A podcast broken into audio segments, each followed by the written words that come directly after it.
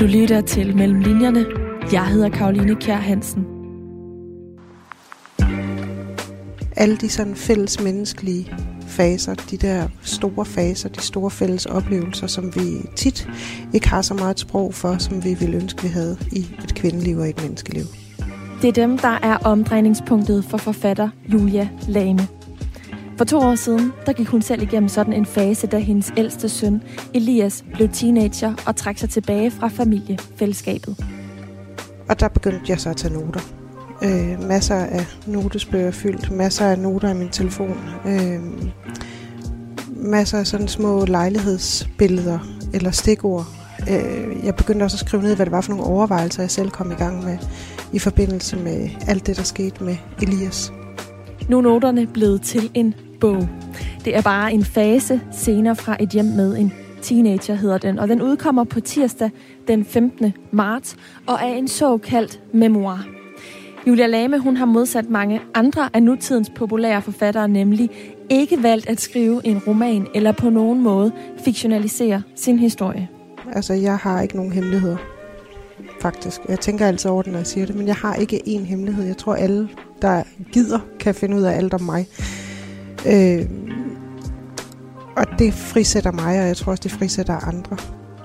Hvordan det så føles at skrive på den måde, og hvordan hendes teenage-søn Elias har reageret på, at hun har skrevet denne bog, som i høj grad også handler om ham. Ja, det kan du høre mere om i denne udsendelse af Mellem Linjerne. Velkommen til programmet her på Radio 4, der handler om forfatteres research og metoder i arbejdet med deres bøger. Jeg hedder Karoline Kjær Hansen.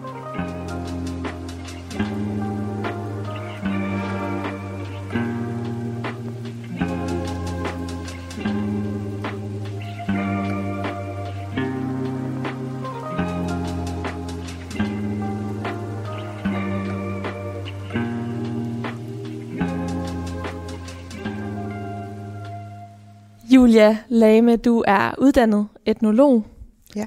Så du er vant til at tage ud i verden og observere, hvordan andre mennesker de opfører sig og ligesom analysere på det og udlede øh, nogle trends, som vi kalder det, ud fra mm. det. De fleste kender dig nok som livsstilsekspert fra øh, Gift første blik, som du snart skal i gang med at lave en ny øh, sæson af. Men til arbejdet med din nye bog, det er bare en fase senere fra et hjem med teenager, der har du brugt dig selv og din familie som studieobjekt. Altså dit hjem har været det sted, du har researchet, det sted, hvor du har observeret.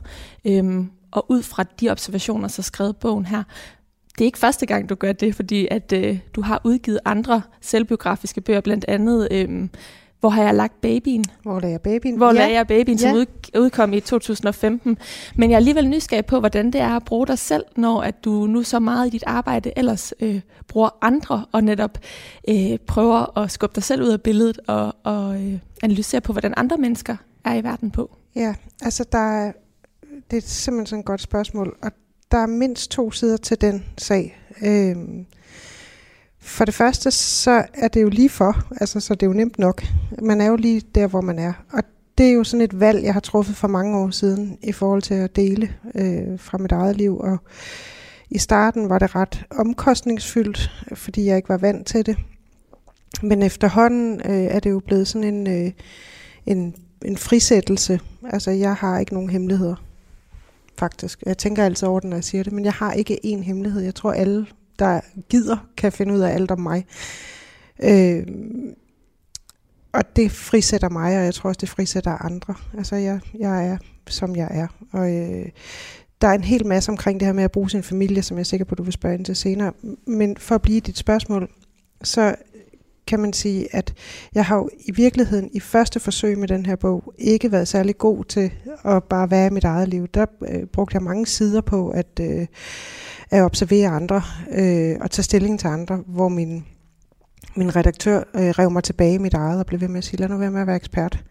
Du er ikke ekspert, du er bare Julia, og du må bare være der, hvor du er. Så, Så det var egentlig lidt svært at træde ud af den der ekspertrolle? Ja, det var faktisk svært. Altså det her det er min tiende bog, og de sidste tre, jeg har skrevet, har været, ja, de sidste tre har været sådan mere Øh, de har været kulturhistoriske. Så, så der har mit objekt, altså det jeg har undersøgt, det har været langt uden for mig selv, også langt tilbage i tiden, og 150 år tilbage i tiden for, for alle tre bøgers vedkommende. Øh, så, så der har det jo været næsten gratis, kan man sige. Ikke? Jeg har mere på spil nu. Vi sidder øh, lige nu inde i dit kontor, øh, tæt på kastellet i, øh, i København. Ja. Udover at være livsstilsekspert i blandt andet Giv for første blik, så har du kommunikationsbyrået Lame Kommunikation. Og, øh, og et grund til, at vi sidder her, fordi du har skrevet dele af bogen herinde. Ja. Men egentlig så er det en bog, du gerne har ville skrive i lang tid. Øh, den strækker sig over et år, hvordan du har, øh, hvad for nogle værktøjer du har brugt for at kunne øh, skildre et helt år på, på lidt over 300 sider, som det er. Det vender vi tilbage til først. Vil du så ikke prøve at tage os med sådan helt tilbage til, til den spæde start af bogen?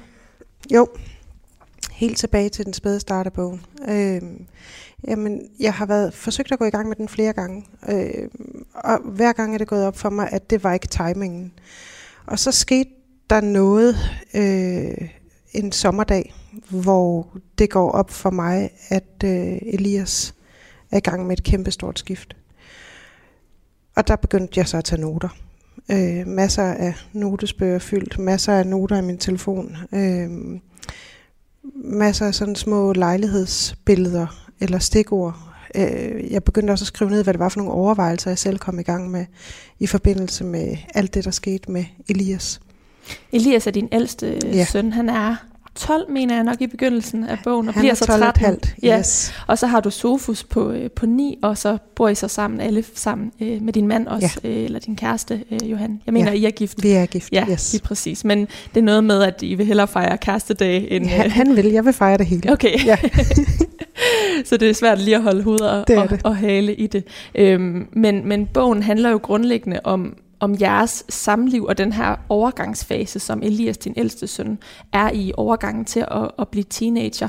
Øhm, det er ikke kun, øh, nu, nu hedder den øh, undertitlen senere fra et hjem med teenager, og det, det kan forventede jeg egentlig var sådan... Øh, udelukkende negative scener, øh, i- da jeg åbnede bogen, men det er lige så meget de positive sider, det er den her pendulering mellem øh, udadvendthed og ekstrem indadvendthed, som du oplevede ved din ja. Søn øh, Elias. Når du nu siger, at du prøvede at skrive den flere gange, hvorfor var det så, du mente, at den her bog, altså hvad var det, der drev dig til at, overhovedet at, at, at skrive øh, den her bog, og ligesom øh, give et sprog til den her periode, øh, man kan have børn i, når de overgår til at blive teenager? Altså, der er for mig at se nogle afgørende tidspunkter i kvindelivet. Øh, og et af de tidspunkter er, når man bliver mor, om det er til ens egne børn, eller nogen, man får ind i sit liv. Der er øh, noget omkring kærlighed og tab. Øh, der er også noget omkring sorg, som jeg også har skrevet en bog af, om, som jeg synes er vanvittigt interessant. Øh, og så er der den her det her skift, der sker, når den frihed, man mister, når man bliver mor, og det er der mange, der bliver sure over, når jeg siger, men den her lille frihed, eller store frihed, man mister, som bliver erstattet af en lille frihed, når man, når man forpligter sig til at tage vare på et andet væsen. Øh, når den begynder at komme tilbage i ens liv, så, det vil sige, når ens børn bliver store nok til at klare sig selv, så er der en øh, sådan en næsten tværkulturel genkendelse i kvindelivet. Der sker noget med os også. Og de her faser, synes jeg er ekstremt interessante at skrive om. Alle de sådan fælles menneskelige faser, de der store faser, de store fælles oplevelser, som vi tit ikke har så meget sprog for, som vi ville ønske, vi havde i et kvindeliv og et menneskeliv. Nu siger du kvindeliv. Er det noget, der udelukkende gør sig gældende for, øh, for kvinder, den her fase? Nej, det tror jeg, det gør det bestemt ikke. Og, øh, min mand, han er jo også øh, med i bogen og øh, slås også med nogle af de her faser. Men jeg er bare kvinde, så, jeg, så det er det, jeg kan finde ud af at skrive om. Jeg ved ikke nok om at være mand til at kunne skrive om det. Vil du ikke prøve at sætte lidt flere ord på, hvordan du, øh, du oplevede den her øh, fase? Øhm, helt konkret, så husker jeg sådan en scene, hvor at du kommer hjem, og du har 52 minutter, før du skal lave aftensmad, og så går tiden egentlig med, at du overvejer, hvad du egentlig skal bruge tiden på, Ja. og lige pludselig så er tiden gået. Øhm, er det, er det situationer som den slags, eller hvornår er det, du, øh, du mener, at den her fase, inden, har, altså du har mærket fasen selv som, øh, som kvinde? Men jeg synes, jeg har mærket den rigtig mange gange, og jeg er også stadigvæk i gang med at forstå, hvad det er, der sker. Men øh, for eksempel, så øh, var jeg alene i forbindelse med, at jeg skulle skrive den her bog. Jeg havde et helt døgn alene for mig selv, og øh, der havde jeg siddet og skrevet hele dagen. Jeg havde øh, skulle skrive et, øh, en manusversion igennem, og øh, så bliver det aften, og så skal jeg øh, gå op til købmanden, jeg er i sommerhus, og skal finde ud af, hvad vil jeg egentlig gerne have at spise. Og pludselig så kan jeg ikke huske, hvad jeg kan lide. Altså, jeg ved ikke, hvad min livret er længere, fordi mine behov har været så langt uden for mig selv, eller der har været så langt hen til dem i så mange år. Så, så det er sådan de helt små ting, hvor jeg ikke længere ved, hvor jeg sådan helt, øh, hvad er det nu, jeg bedst kan lide. Og det er sådan på det meget ordinære og det meget praktiske. Så er der også de større ting, som er, hvordan forpligter jeg mig over for mig selv, og det jeg drømmer om, når børnene ikke længere i samme grad er en undskyldning. Hvad er det så, jeg skal gå efter? Hvad er det, jeg skal leve efter? Øh, hvordan skal jeg forvalte min egen tid, nu hvor jeg pludselig får den igen? Så ja, det er både de 52 minutter, men det er også de næste 20 år, ja. jeg tænker over. De 52 minutter, det er bare den, øh, den spæde start. Yes. øhm, nu har du jo brugt dig selv som, som eksempel for at vende tilbage til, til research-rammen, der har været øh, dit hjem. Hvorfor valgte du den her gang at, at bruge dig selv som eksempel frem for øh, at lave et mere objektivt studie, øh, tale med andre møder, der var i den her fase af livet? Øh, jamen, det gjorde jeg, fordi at, øh, altså der er flere igen, der er jo altid mange grunde til det, men øh, min allerførste bog, Hvor lagde jeg babyen, der tog jeg 100% udgangspunkt i mig selv. Og jeg havde behov for at slutte den ring. Øh, jeg har startet med den. Altså, jeg, jeg har sådan en meget øh, altså næsten sådan øh, storhedsvandvids oplevelse af, af mit, øh, mit forfatterskab, som er, at der er nogle nedslag i det. Så der Hvor lagde jeg babyen, som jeg startede med. Så er der Hvad præster ved om sorg, som handlede om min mors død. Så skrev jeg Sandheder fra en løgner. Så skrev jeg Manifest. Og så har jeg skrevet nogle, nogle andre bøger imellem nogle mere klassisk faglitterære bøger. Og nu kom den her så til mig, det er bare en fase og den lukker ligesom en, øh, den lukker sådan en cirkel i mit liv, øh, som jeg deler med rigtig mange andre kvinder.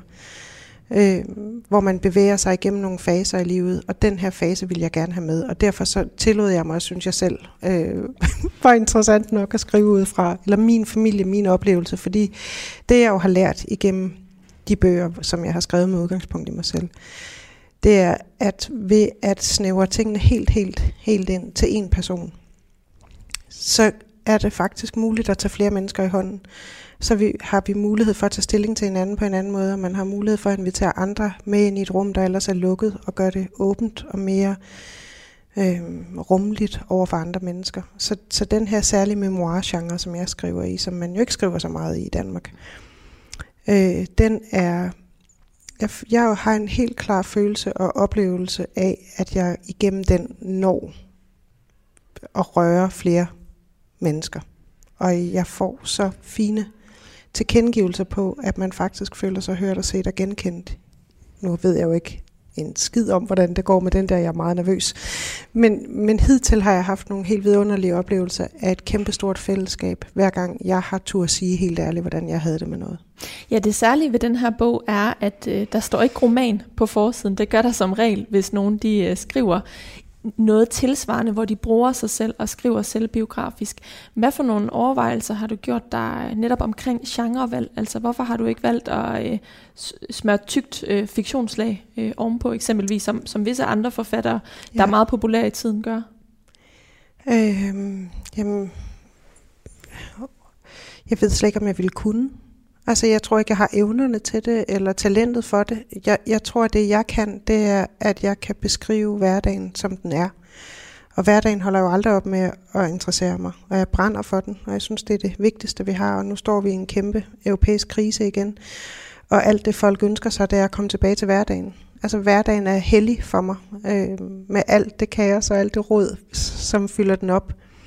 Og jeg har ikke brug for ikke at stå ved. Altså, jeg siger ikke, at andre forfattere ikke står ved. Jeg, jeg har bare brug for at være fuldstændig hudløs og rå i min beskrivelse af den. Og det, der jo er så interessant i det, det er, at man kommer jo aldrig ind i det, altså ind i det helt fine selskab, når man ikke lægger et fiktionslag hen over tingene. Øhm, og det er jo ret sjovt egentlig. Altså fordi vi er blevet så vant til, at vi giver hinanden mulighed for en, en poetisk afstandstagen til hinandens virkeligheder i litteraturen. Og jeg vil egentlig bare gerne stå helt nøgen med alle mine strækmærker øh, og være til stede i mit liv på en måde, som andre kan vælge at tage stilling til, hvis de vil. Er det ikke også lidt angstprovokerende, hvis det, andre tager stilling til det? Det er sygt angstprovokerende, og de tager stilling til det. Men jeg kan ikke andet. Altså, jeg, jeg kan ikke andet end at være helt, helt ærlig. Jeg føler faktisk, at jeg bliver stærkere af at være rå eller hudløs i min beskrivelse af min verden, øh, end jeg gør i de spæde forsøg, jeg indimellem har gjort på at lægge et lag eller en afstand mellem mig og, og min verden ned over det. Mm. Øh, selvom jeg nyder at læse fiktion, og jeg nyder at læse autobiografisk fiktion, og jeg nyder alle de fantastiske forfattere, der lige nu skriver sådan, så øh, er det bare ikke der, jeg selv bevæger mig hen.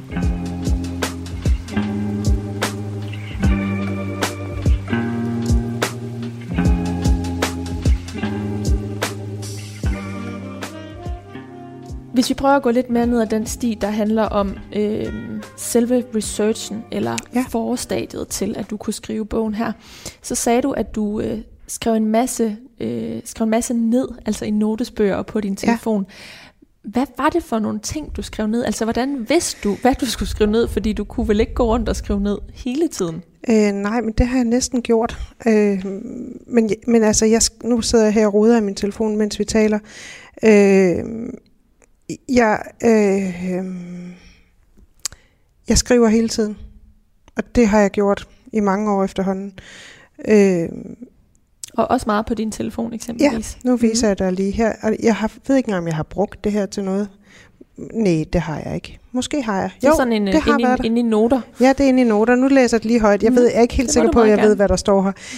Øh, I al den tid, jeg har været nogens mor, har jeg fået turet ørerne fulde om, at moderskabet er en ligning, hvor antallet af timer brugt med dit barn er lige med graden af en god mor, du er. Ikke far, mor. Hjemmeskolen er den unikke mulighed for at blæse dette helt af helvede til. Ja, det er en note til mig selv. Men det, det er sådan afsnit starter for mig. Ja, og så nu nævner du hjemmeskolen, og det særlige er jo også, at bogen her forløber over et år, hvor vi har nedlukning. Ja. Øh, det må være øh, august øh, 2020. Ja.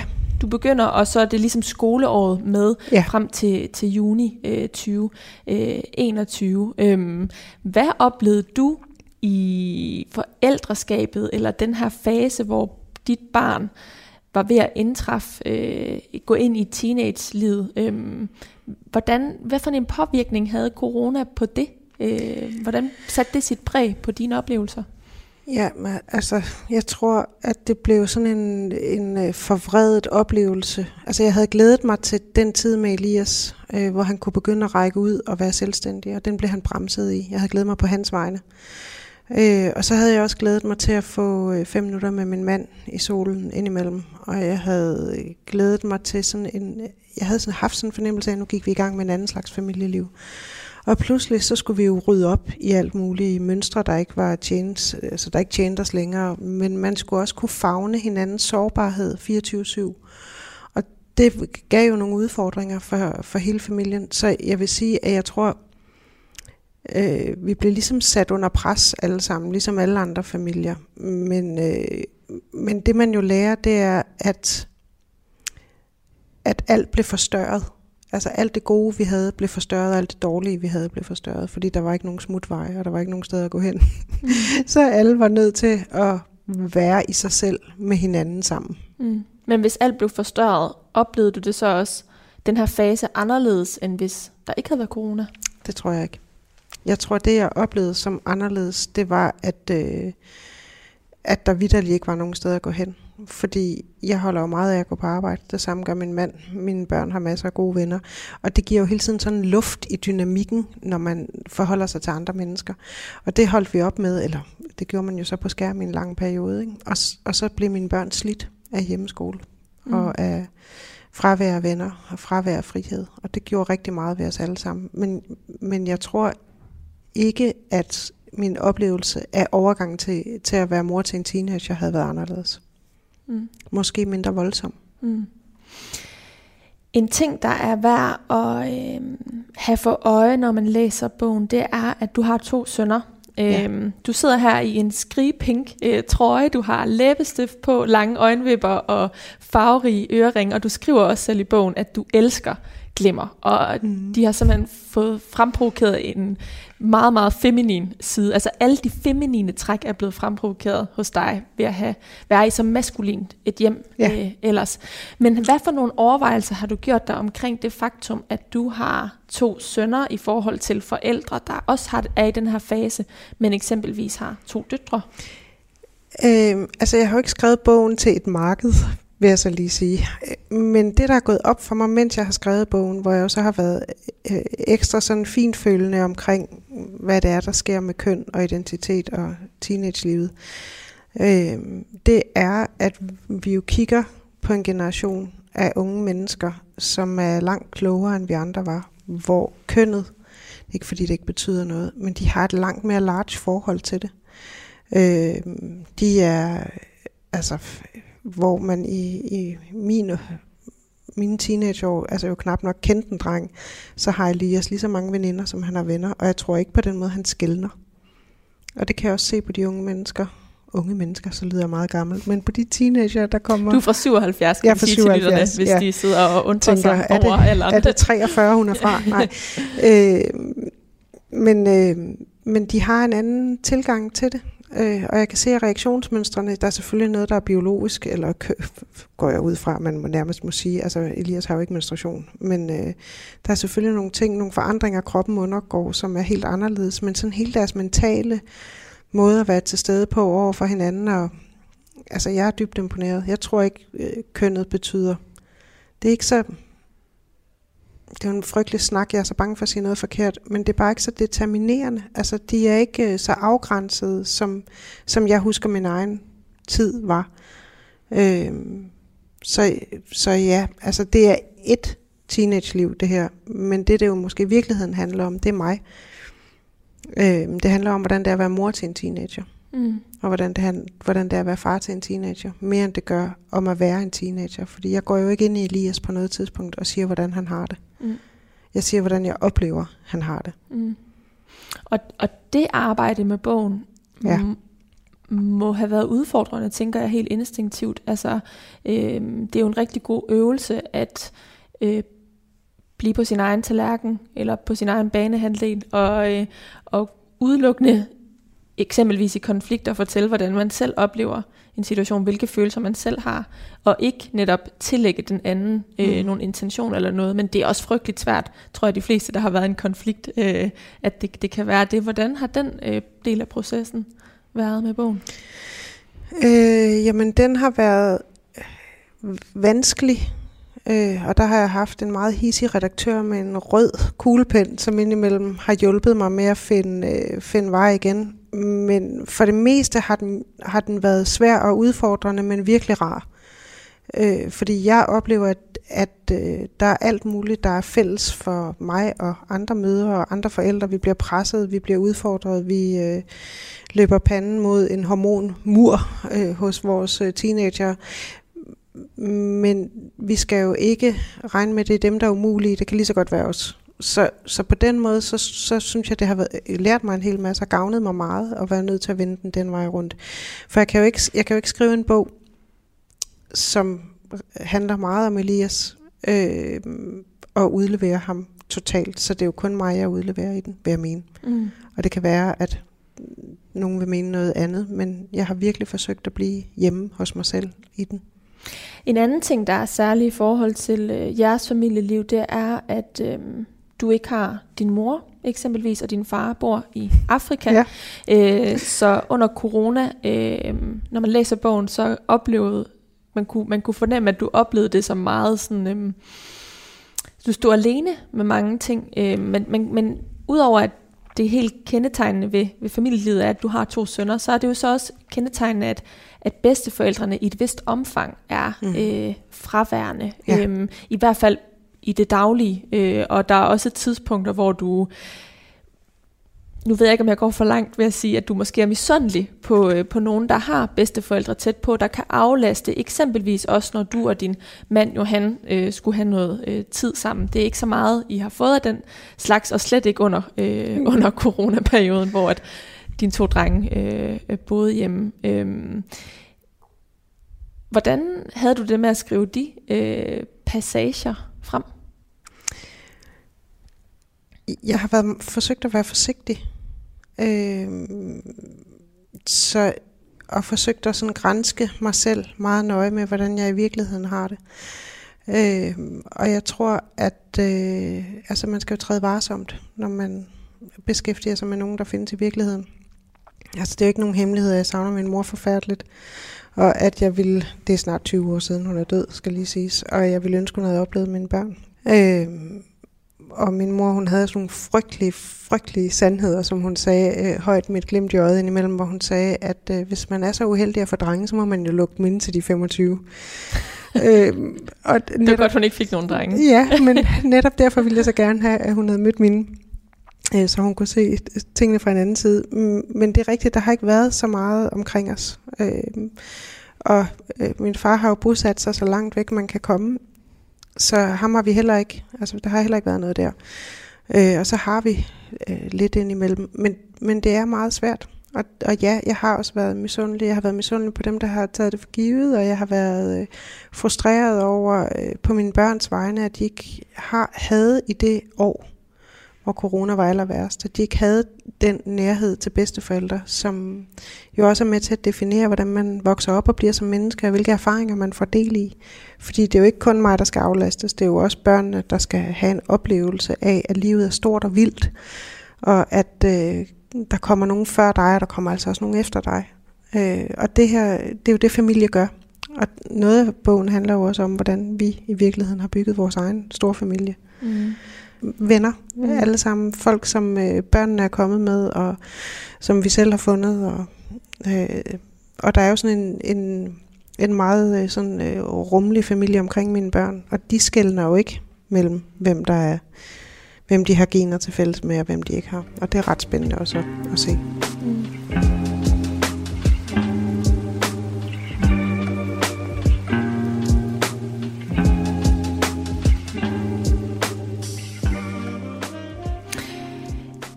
Udover øh, det her bedsteforældre øh, spor, så er der også det faktum, at øh, under corona øh, var der mange, der for eksempel blev hjemsendt på fuld løn og øh, havde tid til at lave surdej. Du griner nu. Ja.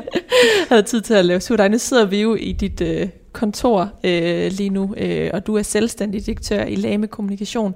Øh, så du har jo ikke haft de samme muligheder, øh, og, øh, og det er helt tydeligt, at det er en frustration. Jeg ved også faktisk, at der er passager, som din redaktør har bedt dig skrive ud, altså noget, du ikke har kunne skrive ind, øh, og alligevel så kan jeg godt, øh, udover at være rå og ærlig omkring dig selv, så er du også meget ærlig omkring dine følelser omkring andre mennesker. Mm. Øhm, vil du prøve at fortælle lidt mere om, om arbejdet med, hvordan du ligesom sætter ord på dine sådan helt ærlige tanker, også omkring andre mennesker, eksempelvis hjemsendte på fuld løn under corona? ja, altså, øh, jeg, jeg blev... Øh, jeg mm. skriver, jeg skriver egentlig bare, hvordan øh, jeg, jeg tænker om tingene, og der er nogle absurditeter, vi har været nødt til at forholde os til, som, som jeg forholder mig til på skrift. Og det er jo sådan, at jeg bedst tænker med en blyant i hånden. Og, og jeg blev meget øh, træt i sværen øh, over alle dem, der nåede at bygge en carport og male stuen og få øh, et husdyr og en surdej. Øh, mens... Øh, hvor jeg sådan næsten følte, at de sådan hensynsløst nød det, mens jeg, jeg og mange andre, jeg kender øh, med næb og klør og i, altså i det yderste øh, fingerneglene, hang i og, og forsøgt at undgå at sende folk hjem og undgå at fyre folk og undgå at blive smittet og undgå at, at, gå, at undgå at børnene gik helt ned. Så, så jeg følte, der lige pludselig var sådan et, øh, et kæmpestort gap mellem dem, der, dem, der havde en positiv oplevelse ud af det, øh, og så dem, der ikke havde. Og jeg under alle mennesker, alle de positive oplevelser, de kan få. Men jeg havde på et tidspunkt under nedlukningerne sådan en, øh, en helt klar oplevelse af, at nu blev det sådan lige lidt for hissigt. Det her med, hvor vidunderligt det var med al den nærhed, man kunne få derhjemme, når, øh, når man bare gik rundt i sit nedlagte landbrug og klappede sin små nyindkøbte lam, mens øh, jeg stod op klokken øh, 4 hver morgen og arbejdede indtil klokken 7, hvor hjemmeskolen startede, og kunne gå i seng klokken 12, når jeg var færdig med at arbejde. Mm. Og, og misundelse er jo en grim ting, men jeg er heller ikke bange for at stå ved, at jeg der var et, et særligt øh, udsat sted mellem vrede og misundelse. Og, og jeg har valgt at lade det stå. Øh, Hvorfor har du valgt det? Fordi at der er simpelthen ingen øh, grimme sider af mig, folk ikke må se. Hvorfor er der ikke det? Jamen, fordi, altså, what's the point? Jeg er et, et, et uh, fuldstændig almindeligt gennemsnitligt sammensat menneske, øh, som gerne vil være i verden, og jeg vil gerne lære. Jeg, jeg hører ikke til dem, der siger, I skal bare tage mig præcis som jeg er. Det synes jeg overhovedet ikke, I skal. Jeg synes, alle skal lære mig noget, hvis de har noget, jeg kan lære af. Og jeg tænker også, jeg kan lære andre mennesker noget. Så jeg vil gerne være i den her interaktion med omverdenen. Og der er, når jeg skriver den her type bog, så er det jo en samtale, jeg starter. Det er jo ikke en samtale, jeg slutter. Jeg siger ikke, jeg ved alt. Så i virkeligheden er det her med at skrive så ærligt og inderligt om dig selv, også et led i hele øh, den øh, baggrund, du har som etnolog. Altså at ved at du fortæller om dig selv, så får du også noget fra andre og kan arbejde videre med det. Ja. Så det er sådan en form for, øh, for cirkel, der er Jamen, der, cirkulation. Det er noget af det. Øh, og så er der jo noget af det, som også sikkert er rendyrket ekshibitionisme og narcissisme, øh, som, jeg, som jeg heller ikke skal kunne se mig fri for. Men jeg tror bare ikke, der er noget, der bliver relevant, hvis vi kun må se overfladen. Og jeg spurgte dig, inden vi gik i gang med det her interview, Karoline, hvor gammel du er, øh, for at finde ud af, hvor hører du til henne? Altså, mm. hvad, hvad er det for et spor, vi, øh, vi har til fælles, og hvor har, hvad har vi ikke til fælles? Og jeg er jo vokset op i en, en helt anden verden, end du er. Og du er indfødt i de sociale medier, og det er jeg ikke. Øh, og mit, øh, altså mit sådan kvindeliv har været præget af... Øh, altså jeg blev ung, da man skulle rive alt håret af tidskonen og øh, øh have plastikbryster og øh, øh, afbladet hår på en bestemt måde, og der kun var én måde at være smuk på.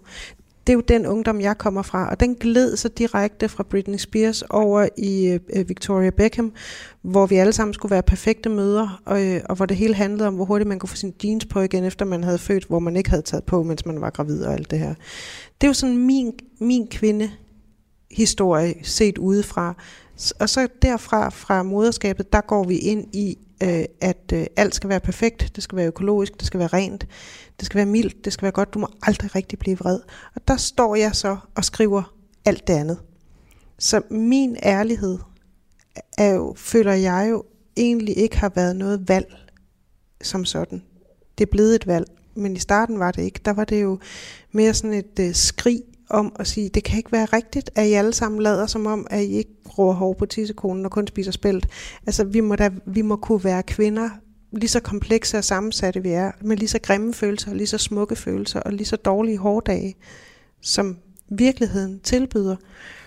Og det er det, jeg har forsøgt at holde fast i, og det jeg simpelthen forsøger at holde fast i i alt, hvad jeg gør. Også min tilstedeværelse på diverse medier. Jeg, jeg kan simpelthen ikke lægge et røgslør ud mellem mig selv og verden for at blive elsket, eller for at blive set som fejlfri. Det vil jeg ikke. Og derfor så er jeg også et sammensat fejlfuldt menneske i det, jeg skriver. Med grimme følelser, og misundelig på dem, der har bedste forældre, og misundelig på øh, alt muligt andet, og lykkelig fri for andre ting. Og jeg er overbevist glødende feminist, også når det bliver grimt, og det er jeg også i den bog. Altså så så jeg, jeg forsøger virkelig at være ærlig for at invitere, for det første for at have en plads i verden, men også for at invitere til, at vi kan mødes i vores liv præcis øh, som vi er, og så forkerte og rigtige, som vi nu er. Mm.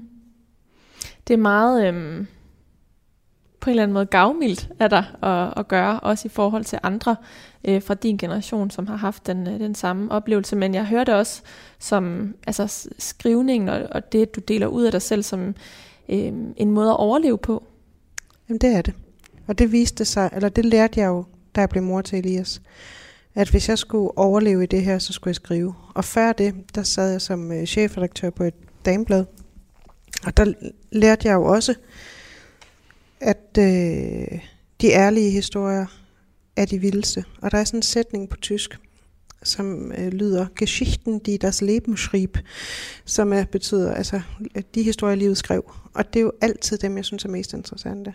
Og det har det også været i mit fag i etnologi. Altså øh, almindelige menneskers levede liv er vanvittigt spændende.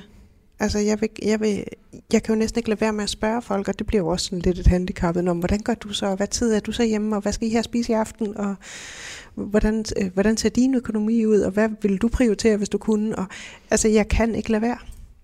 Fordi, du, går ind, du går ind i folk med træsko på? Jeg tager mig sammen for ikke at gøre det hele tiden, ikke? men jeg, nyder, jeg vil virkelig så gerne vide, hvad det er, der bevæger og motiverer. Har du slået dig på det? Hele tiden. Altså hele tiden. Jeg, jeg ved slet ikke, hvor jeg skal starte henne. øh, altså i det, jeg skriver, der er altid nogen, der bliver sure. Der er altid nogen, der synes, jeg er for meget. Der er altid nogen, der, der synes, at det er banalt. Øh, altså, øh, vi taler både anmeldere, og øh, altså, jeg har kun fået gode anmeldelser, sådan for alvor for de ting, jeg har skrevet, som har været rigtig faglitteratur. Altså det vil sige handlet om store historiske udviklinger. Og alligevel har du skrevet endnu en selvbiografisk Ja, ja fordi jeg skriver ikke for anmelder. Jeg skriver for mit publikum og mig selv. Øhm, Sådan. Men, men det er øh, det er bare sjovt, fordi det er så det, det er jo ikke hvordan skal man sige, det er jo ikke høj litteratur. Det er jo ikke svært tilgængeligt. Det er ikke øh, jeg vil ikke noget andet end at være lige her.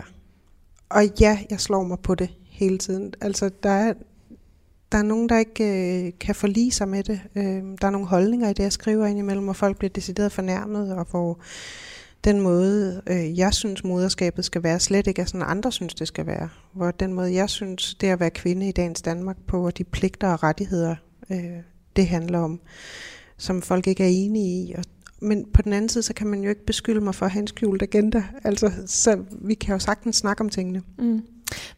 Hvordan mener du, man som kvinde skal være i dag, altså i forhold til de øh, pligter og rettigheder, som du hen, henviser til i din forrige sætning? Ja, jeg synes, vi er forpligtet i forhold til vores rettigheder. Ja, der er ikke noget i, øh, i ligestillingen og i kvinders muligheder, der er kommet bare sådan, fordi nogen synes, vi skulle have det. Alt er der nogen, der har kæmpet for. Om vi taler løn, eller øh, barselsrettigheder, eller øh, øh stemmeret, eller noget som helst. Der er ikke noget, som bare flyt vores vej, fordi vi så så søde og ordentlige ud, og var gode til at, at være til. Øh, så jeg synes, vi er forpligtet til at blive ved med at kæmpe for vores rettigheder. Øh, og vi kan jo kigge på lande i Europa lige nu, hvor rettighederne stille og roligt forsvinder, øh, fordi man har holdt op med at tale om dem. Altså for eksempel abortrettigheder, som jo bliver diskuteret rigtig mange steder i verden lige nu. Desværre oftest med et øh, negativt udkomme for kvinderne. Hvilke andre rettigheder er det, udover øh, rettigheden til abort? Jamen, så er det retten til at gå på arbejde, som jeg jo mener er øh, det, feminisme handler om. Og det er jo også en diskussion, jeg tit kommer galt afsted med. Men hvis man nu er lidt historisk interesseret og går tilbage øh, 100-150 år og kigger på, hvad kvindebevægelsen handlede om, og hvad feminismen handlede om, jamen så er det retten til at være kvinde og mor, og til at gå på arbejde. Så vi har kæmpet for retten til at få lov til at forsørge os selv og have magten over vores egen penge og vores egen juridiske stemme og vores egen stemme i politik. Øh, men alt sammen har været afhængigt af, hvordan, hvad gør vi, hvordan gør vi, så vi kan få lov til at arbejde fuldtid på lige niveau med mændene. Og det er jo sådan en, en ting, som med en generations mellemrum bliver glemt. Øh, og lige nu der kigger vi jo ind i en generation af kvinder, der bliver møder, øh, hvor det sidste tal, og det er sikkert fejlbehæftet, og jeg tror i hvert fald, det er tre år gammelt, men det sidste tal, jeg har, det er 35 procent af alle danske kvinder går på deltid. Det er jo mange pensionsmidler, der ikke bliver sparet sammen der, øh, og det er meget øh, uddannelse og meget viden, der forsvinder ud af det danske samfund. Øh, vi har også lige haft en diskussion om, om øh, hvorfor mænd skulle tvinges på barsel. Øh, barselstvang og tvungen barsel har vi øh, haft øh, begreber som, hvor jeg jo mener, det hedder et barselsprivilegium, og ikke en tvang. Og, og vi er nødt til sådan at passe enormt meget på, hvordan vi stiller faren i forhold til moren. Jeg har to drenge. Jeg synes, de skal være lige stillet med moren, øh, når de bliver voksne. Og de skal have lige så meget lov til at gå på arbejde, og kvinderne skal have lige så meget lov til at gå på arbejde og have en professionel identitet og en mulighed for at forsørge sig selv. Så for lige at slå fast, øh, så skriver du i, i bogen, øh, feminisme handler ikke om retten til at vælge selv, det handler om retten til at gå på arbejde ja. som kvinde. Prøv lige at uddybe, hvad du mener med det. Jamen, der er en, øh, en diskussion lige nu om, at øh, feminisme er lige med, at alle kvinder må vælge selv, og at alt er lige godt. Alle de valg, du eller jeg kan træffe, er lige gode. Øh, det mener jeg ikke er rigtigt. Jeg mener, der er skrub forkerte valg, man kan træffe. Men nu forsvinder, nu bliver der lukket ned. jeg mener ikke, at alle valg er lige gode. Jeg mener ikke, at alle måder at være mor på er lige gode. Jeg synes, det er noget fis, når folk siger til hinanden, du er den bedste mor, du kan være for dit barn. Jeg kan sige, det er jeg ikke. Jeg vil være langt bedre med en kok og en chauffør. Og jeg mener heller ikke, at det er øh, øh, lige meget, hvor meget man arbejder, eller hvordan man forvalter sit arbejdsliv. Jeg mener, at vi kvinder har en pligt over for vores børn, over for os selv, at vi sørger for at bibeholde retten til at gå på arbejde. Og ikke svigter os selv og vores børn ved at tro, at det er bedre for alle, hvis vi bare bliver hjemme. Fordi det tror jeg ikke, det er. Jeg tror, vi skal ud og forandre samfundet, så det bliver mere rummeligt over for både kvinder og børn. Og det tror jeg ikke sker ved, at vi giver op og går hjem. Og jeg tror, at der er en, en helt anden kamp, vi skal kæmpe. Jeg tror, vi skal kæmpe for en bedre normering i børnehaver og vuggestuer, og nogle bedre vilkår for børnene i skolen. Og at øh, den energi, vi ellers lægger i hjemmet, nogle gange skal lægges uden for hjemmet. Og det er jo derfor, de gamle feminister har sagt, at det private er politisk. Det sagde man i 70'erne. Det holder ikke op med at være sandt. Det private er politisk. Mm. Vi skal ud på arbejdsmarkedet og gøre skældende. Mm. Det er jo helt tydeligt, når du siger det her, at du øh, er erfaring ved, at det ikke er populært at sige, og det skriver ja, du også Har i, du lukket mig en fælde nu? det siger du også i, skriver du også i bogen. Jeg synes, ja. det er vanvittigt interessant det her, derfor skal vi tale om det. Ja. øhm, at, at det øh, er ikke øh, nemt at sige, og, for det er ikke populært at sige. Nej. Øhm, alligevel så siger du det, og, og det er ikke første gang, du siger det nu. Nej. Øhm, hvad for nogle... Øh, værktøjer eller knapper trykker du på hos dig selv for at, at sige det at stå ved det, og også turde skrive det ned sort på hvidt, som du har gjort her i din nye bog, øh, Det er bare en fase? Jamen, jeg spænder min modighedsmuskel, og øh, tager en lille bit smule panser på. Øh, og øh, tænker, at øh, hvis jeg nu tør sige det, så kan det være, at øh, der er andre, der tør tænke over det. Øh, og hvis jeg nu lader være med at glemme det, hvis jeg nu husker historien, altså hvad skete der? Dengang kvinder holdt op med at gå på arbejde, hvor udsatte kvinder blev i 50'erne, da de opgav at gå på arbejde, og i stedet for troede på, at det var en rigtig god idé at, at blive en homemaker og gå hjemme. Hvad skete der med kvinders rettigheder? Hvad, hvad, hvilke frygtelige konsekvenser havde det 10 år senere i 60'erne, da skilsmisserne begyndte at komme i Danmark, og vi så, hvordan øh, social elendighed ramte kvinderne allerhårdest. Hvis jeg nu kan huske det, og deler den viden med andre, øhm, så kan det være, at vi er flere, der tør tænke anderledes om tingene, og, og skubbe på, for at vi ikke kommer til at idealisere den kvinde, der opgiver sin professionelle karriere for at gå hjem. Mm. Man kunne jo være fræk at sige, at øh, du... Øh oplevede coronaperioden som udfordrende, fordi du også mm. holder fast i det her standpunkt, at du vil arbejde og samtidig øh, være en god mor for, din, for dine sønner, øh, men også at den måde, du oplevede den her fase, øh, overgangen til, til, da din søn blev teenager, øh, jo også er præget af det synspunkt. Øh, mm. Mener du selv det? Jamen, jeg tror, du har fuldstændig ret. Altså, jeg tror jo ikke, jeg har gjort noget nemt for mig selv i det her. Jeg er sikker på, at der er ting, jeg kunne have gjort, der var meget nemmere, og jeg kunne have øh, truffet nogle helt andre valg. Men jeg tror også bare, at de bærer deres egen pris. Øh, så ja, jeg kunne sikkert have gjort det nemmere for alle, inklusive mig selv. Men mm. det kan jeg så ikke finde ud af. Mm.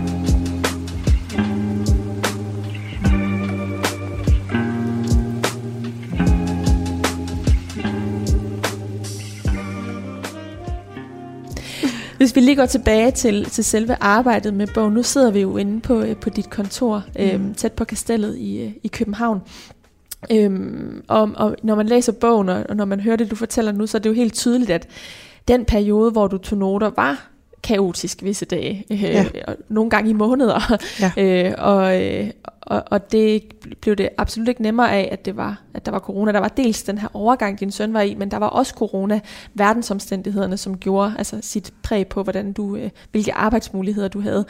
Hvad gjorde du fra, du havde de her noter i notesbøger, og i, i særlig grad på din telefon, til vi nu sidder med en bog her? Altså, var det her, du tog ind og ligesom søgte ly, eller hvordan, hvordan bearbejdede du stoffet, og ikke mindst fandt, fandt roen til det i det her øh, teenage-hjem?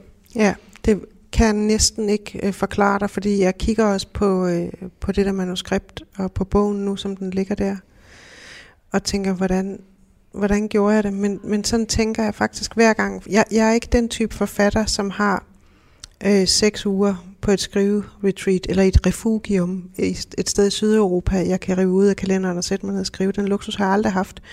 Jeg har haft enkelte hele dage øh, til at skrive i. Jeg troede, jeg havde sådan 3-4 uger, jeg bare kunne blokere, og så kunne jeg ikke lave, behøvede jeg ikke lave andet. Det er aldrig sket. Jeg har en halv time her og en time der. Øh, og nogle gange går der uger imellem, jeg når at sætte pen til papir. Så nogle gange midt i en helt hektisk dag, hvor et møde er blevet aflyst hernede på kontoret, så har jeg øh, lukket mig ind i mig selv og har skrevet. Andre gange har jeg skrevet om aftenen derhjemme, eller om formiddagen i en weekend, hvor alle var ude af døren og noget med en bold. Øh, og så eller et skateboard. Eller, eller, et skateboard. eller hvad, der er også, ja. ja. så basketbolden er der også. Præcis. så er der ikke mindst computeren, den kunne måske også øh, Præcis. aflede opmærksomhed en gang imellem. Ja, men øh, det, selv mine børn blev træt af skærm øh, under corona. Men, øh, men, og så har jeg altså fået nogle, sådan små lommer for ærende hist og pist. Men den er ikke, det er sjældent, jeg har fået lov til at komme i Altså det der flow, hvor man så nærmest ryger ind i en tunnel og bare skriver. Altså det er meget, meget sjældent. Men jeg er blevet så dygtig til at koncentrere mig, øh, når jeg er i sådan en skriveproces, at jeg faktisk kan tabe meget hurtigt ind og ud af det, fordi at jeg aldrig har haft andre muligheder. Og det er den eneste måde, jeg har prøvet at skrive på. Jeg har en gang været på et skriveophold i fem dage på Klitgården i Sverige. Nej, ikke i Sverige, i Skagen, som er det mest vidunderlige, jeg nogensinde har prøvet. Men ellers så er mine bøger blevet skrevet i sådan nogle klatter øh, rundt omkring, og researchen også lavet på den måde. Mm. Altså øh, i fragmenter og alle mulige sammensatte øh, små stykker papir, gule post og en halv notesbog her, og tre noter i telefonen der. og så har jeg skrevet lige så snart jeg havde fem minutter. Men den er simpelthen lavet i hverdagen? Ligesom den er lavet den handler, i hverdagen, ja. Øh, om hverdagen. Ja, og, det, og det er, den er skrevet så meget i hverdagen, så øh, jeg har skrevet de samme afsnit indimellem. Så har jeg skrevet det en gang til, fordi jeg nærmest havde glemt, at jeg havde skrevet det. Øh, så, så den har også været præget af kaos, den her skriveproces. Men min hverdag er præget af kaos, så, så det afspejler meget godt. Julia Lame, nu sagde du indledningsvis, at øhm, du skrev bogen for ligesom at undersøge den her periode, du var i som mm. kvinde. Når du har en søn eller en pige, der overgår til teenager, så går man fra at have haft meget lidt frihed til at få mere frihed, eller i hvert fald være mor på en anden måde. Ja. Hvad har du lært? Øh, nu, nu er det jo, den har lidt tid på banen, den her bog. Den udkommer ja. på, på tirsdag den 15. Øh, marts, men det er noget tid siden, du, øh, du tog noter og researchede og, og skrev den. Ja. Så hvad har du lært siden da, øh, det, i det, det år, du har arbejdet på den? Jamen, jeg har lært, altså, at den her generation, der går forlader vores arme nu, er, øh, at er dem, der kommer til at redde verden. Jeg er ikke et øjeblik i tvivl. De er helt anderledes forberedte mentalt og øh, filosofisk og værdimæssigt og meget mere oplyst, end vi var. Hvordan er de blevet det? Jamen, jeg tror, vi har stillet andre krav til dem, øh, både i skolen og derhjemme. Øh, der er meget mere viden at hente. De er meget mere indstillet på, at verden er stor og mangfoldig. De tror ikke nødvendigvis, de har ret. Øh, og så har jeg lært, at det er jo de store følelser, det hele handler om. Både øh, for os selv og for vores børn, og for dem, vi lever sammen med. Og jeg har bestemt lært, at livet er lige her nu, og vi har lige præcis nu til at gøre den her dag god, og til at gøre det her øjeblik godt. Øh, og vi ved ikke, hvad der kommer. Så alle hverdage, der lykkes, ikke de store fester, men alle hverdagene, der lykkes, de skal gemmes et særligt sted i hjertekuglen, fordi man ved ikke, hvornår man får brug for at genbesøge dem. Og så har jeg lært, at det er et meget langt farvel til kernfamilielivet. Altså man bruger så lang tid på at lære at være i det. Og når det så kører, så kører det en 3-4 år. og så begynder man at sige farvel. Og det er smertefuldt, og det er okay, at det gør ondt. Men, øh, men det er de der små fedtede hænder, man bandede langt væk fra sin hvide skjorte engang. Det er dem, man savner nu. Øh, og netop derfor, så tror jeg, at det vigtigste, jeg har lært, det er at være, være her nu. Lad være med at lede efter øh, den perfekte ferie eller den perfekte juleaften. Men vær her lige nu, sammen med dine børn og dem, du elsker. Og hvis ikke du har nogen børn, så hold din kæreste i hånden eller din bedste veninde og vær der lige nu. Men at være her lige nu, det er jo nogle gange lettere sagt end gjort. Det, det er sindssygt svært. Hvordan, hvordan øh, træner man den muskel?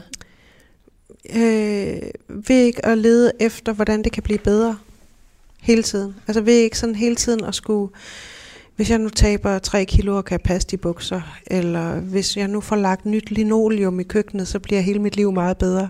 Måske skal man sidde på det gamle linoleum og spise en pizza med sine unger, i stedet for at have fokus på, at alting kan blive pænere og renere og smukkere.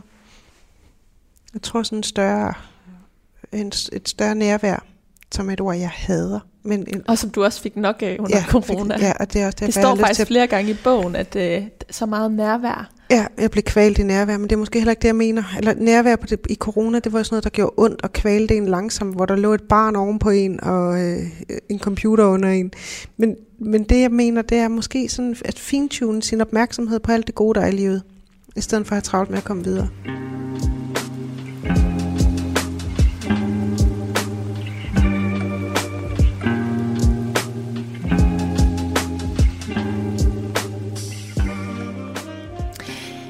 Den sidste ting, vi skal tale om, Julia Lame, det er, at øhm, selvom du er på din egen tallerken, din egen banehalvdel, mens du skriver den her bog, øhm, så er det jo også dit familieliv, du udleverer, og det er også øh, Elias' øh, liv. Øh, du har til slut et, øh, et kapitel, hvor du laver et, et nærmest et brev til Elias. Øh, men hvordan har du øh, talt med ham om, om det, at du skriver den her bog? Øh, fordi uagtet, øh, uagtet, at det er din fortælling, så er det jo også øh, et indblik i øh, mm. Elias' værelse i hvert fald. Og din fortolkning ja. af det, han gør også, øh, eller dine oplevelser. Ja, altså for det første, så er det jo derfor, det har været vigtigt, at der var afstand mellem, jeg skrev bogen til den udkom. Øh, han er 14 nu, snart 14,5. Og den starter, da han er 12,5. Han er nærmest et andet menneske, han er en meter højere nu. Øh, for det andet, så har jeg også spurgt min familie om lov. Altså jeg har involveret dem undervejs. Min mand har læst og godkendt det hele. Øh, Elias har fået lov til at læse den. Det har han ikke været særlig interesseret i. Øh, men han synes, det er fint. Det er i hvert fald det, han bliver ved med at sige. Så I øh, har haft dialog om det? Vi har haft det. masser af dialog om det. Men det hører jo også med til historien, at Elias aldrig har mødt nogen, der ikke har kendt ham i forvejen. Fordi jeg skrev, hvor lagde jeg babyen, som stadigvæk sælger, og som stadigvæk bliver læst og lånt. Øh, så jeg tror ikke, at... Altså, jeg tror ikke, han møder mange, der ikke kender til vores familieliv på forhånd øh, eller som ikke kender ham som del af den familie, og det er bestemt ikke for at lyde arrogant, og det har heller ikke været gratis for nogen, heller ikke for hverken min mand eller jeg. Men altså min mand siger, at hvis man hører hans plader, han er musiker, og man læser mine bøger, så er, der, så er der ikke flere hemmeligheder tilbage. Jeg tror, det er rigtigt. Så det er jo også bare en del af Elias' vilkår. Når det så er sagt, og det er ikke for at lyde for hård, men når det så er sagt, og det skriver jeg jo også i bogen, så er det sidste gang, han er med. Nu er den ring sluttet og nu er, at, kan jeg ikke tillade mig mere. Fordi nu er der ikke mere, der er alment. Nu er der ikke flere faser, han skal igennem, som jeg vil tillade mig at tænke, det ligner nok det, der foregår hjemme hos dig. Men øh, nu er det hans liv, og det er ikke min historie længere. Og han fjerner sig så hurtigt fra vores fælles liv lige nu, så, så jeg har ikke mere at sige. Og der, derfor skal jeg jo også lære til stille. Så hans liv er ikke min historie længere. Tror du, det bliver svært at sige stille om? Ja, eller nej, eller ja. Altså jeg vil jo sige, at, at jeg, jeg har øh, for første gang ikke... Altså jeg, det plejer at være sådan, at når jeg har skrevet en bog, så ved jeg godt lidt, hvad jeg gerne vil i gang med. Nu har jeg en svag fornemmelse af, hvad jeg gerne vil i gang med, men jeg har ikke den der helt stærke. Jeg, jeg skal lige puste ud efter den her, og give, give mig selv noget plads, øh, og også acceptere, at den måde at skrive på er slut nu, i forhold til familielivet. Mm. Mm. Så Tror det er også du... lidt sorgfuldt, vil jeg sige. Altså, ja. Altså, jeg elsker at skrive på den måde. Jeg elsker at være i den dialog på den måde. Altså, jeg bliver jo heldigvis ramt af overgangsalderen lige om lidt, ikke? så kan jeg tage fat på det. Men, en ny fase. En ny fase. Men, men øh, hans liv og hans livshistorie, er, er, er det fra nu ham selv, der skal definere Men du har, jo, du har jo også Sofus, ja, som er men yngre. Sofus er bygget af noget andet. Ja. Hvad betyder det? Jamen det betyder, at uh, Sofus fylder meget af den bog. Mm-hmm. Og, han og de, er, meget, de virker meget forskellige, når de man læser De er super dem. forskellige. Og Sofus er voice of reason i vores familie. Og øh, helt vidunderlig sjov. Og også ikke skør, men øh, sjov og, og klog. Ja, det synes alle sikkert om deres egen børn. Men det kan man jo øh, være med til at læse på. Men han skal ikke skrives om på den måde. Mm. Han skal heller ikke være toeren. Altså en ting er den svære øh, toer i, i, øh, i bogsamlingen, men han skal heller ikke være det i forhold til sin... Øh, skal ikke være nummer to i forhold til sin bror. Han skal stå helt, som han er.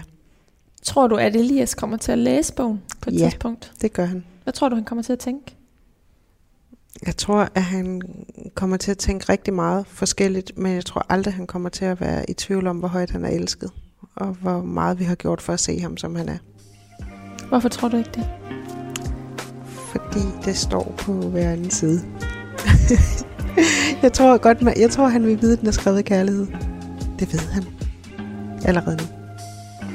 Det bliver de sidste ord i dag. Julia Lame, tusind tak, fordi du vil være med her imellem linjerne på Radio 4. Tak for det, jeg måtte. Det er bare en fase. Senere fra et hjem med en teenager udkommer på tirsdag den 15. marts og udgives af forlaget Peoples. Programmet her, det var tilrettelagt af mig. Jeg har også været din vært, og mit navn det er Karoline Kjær Hansen.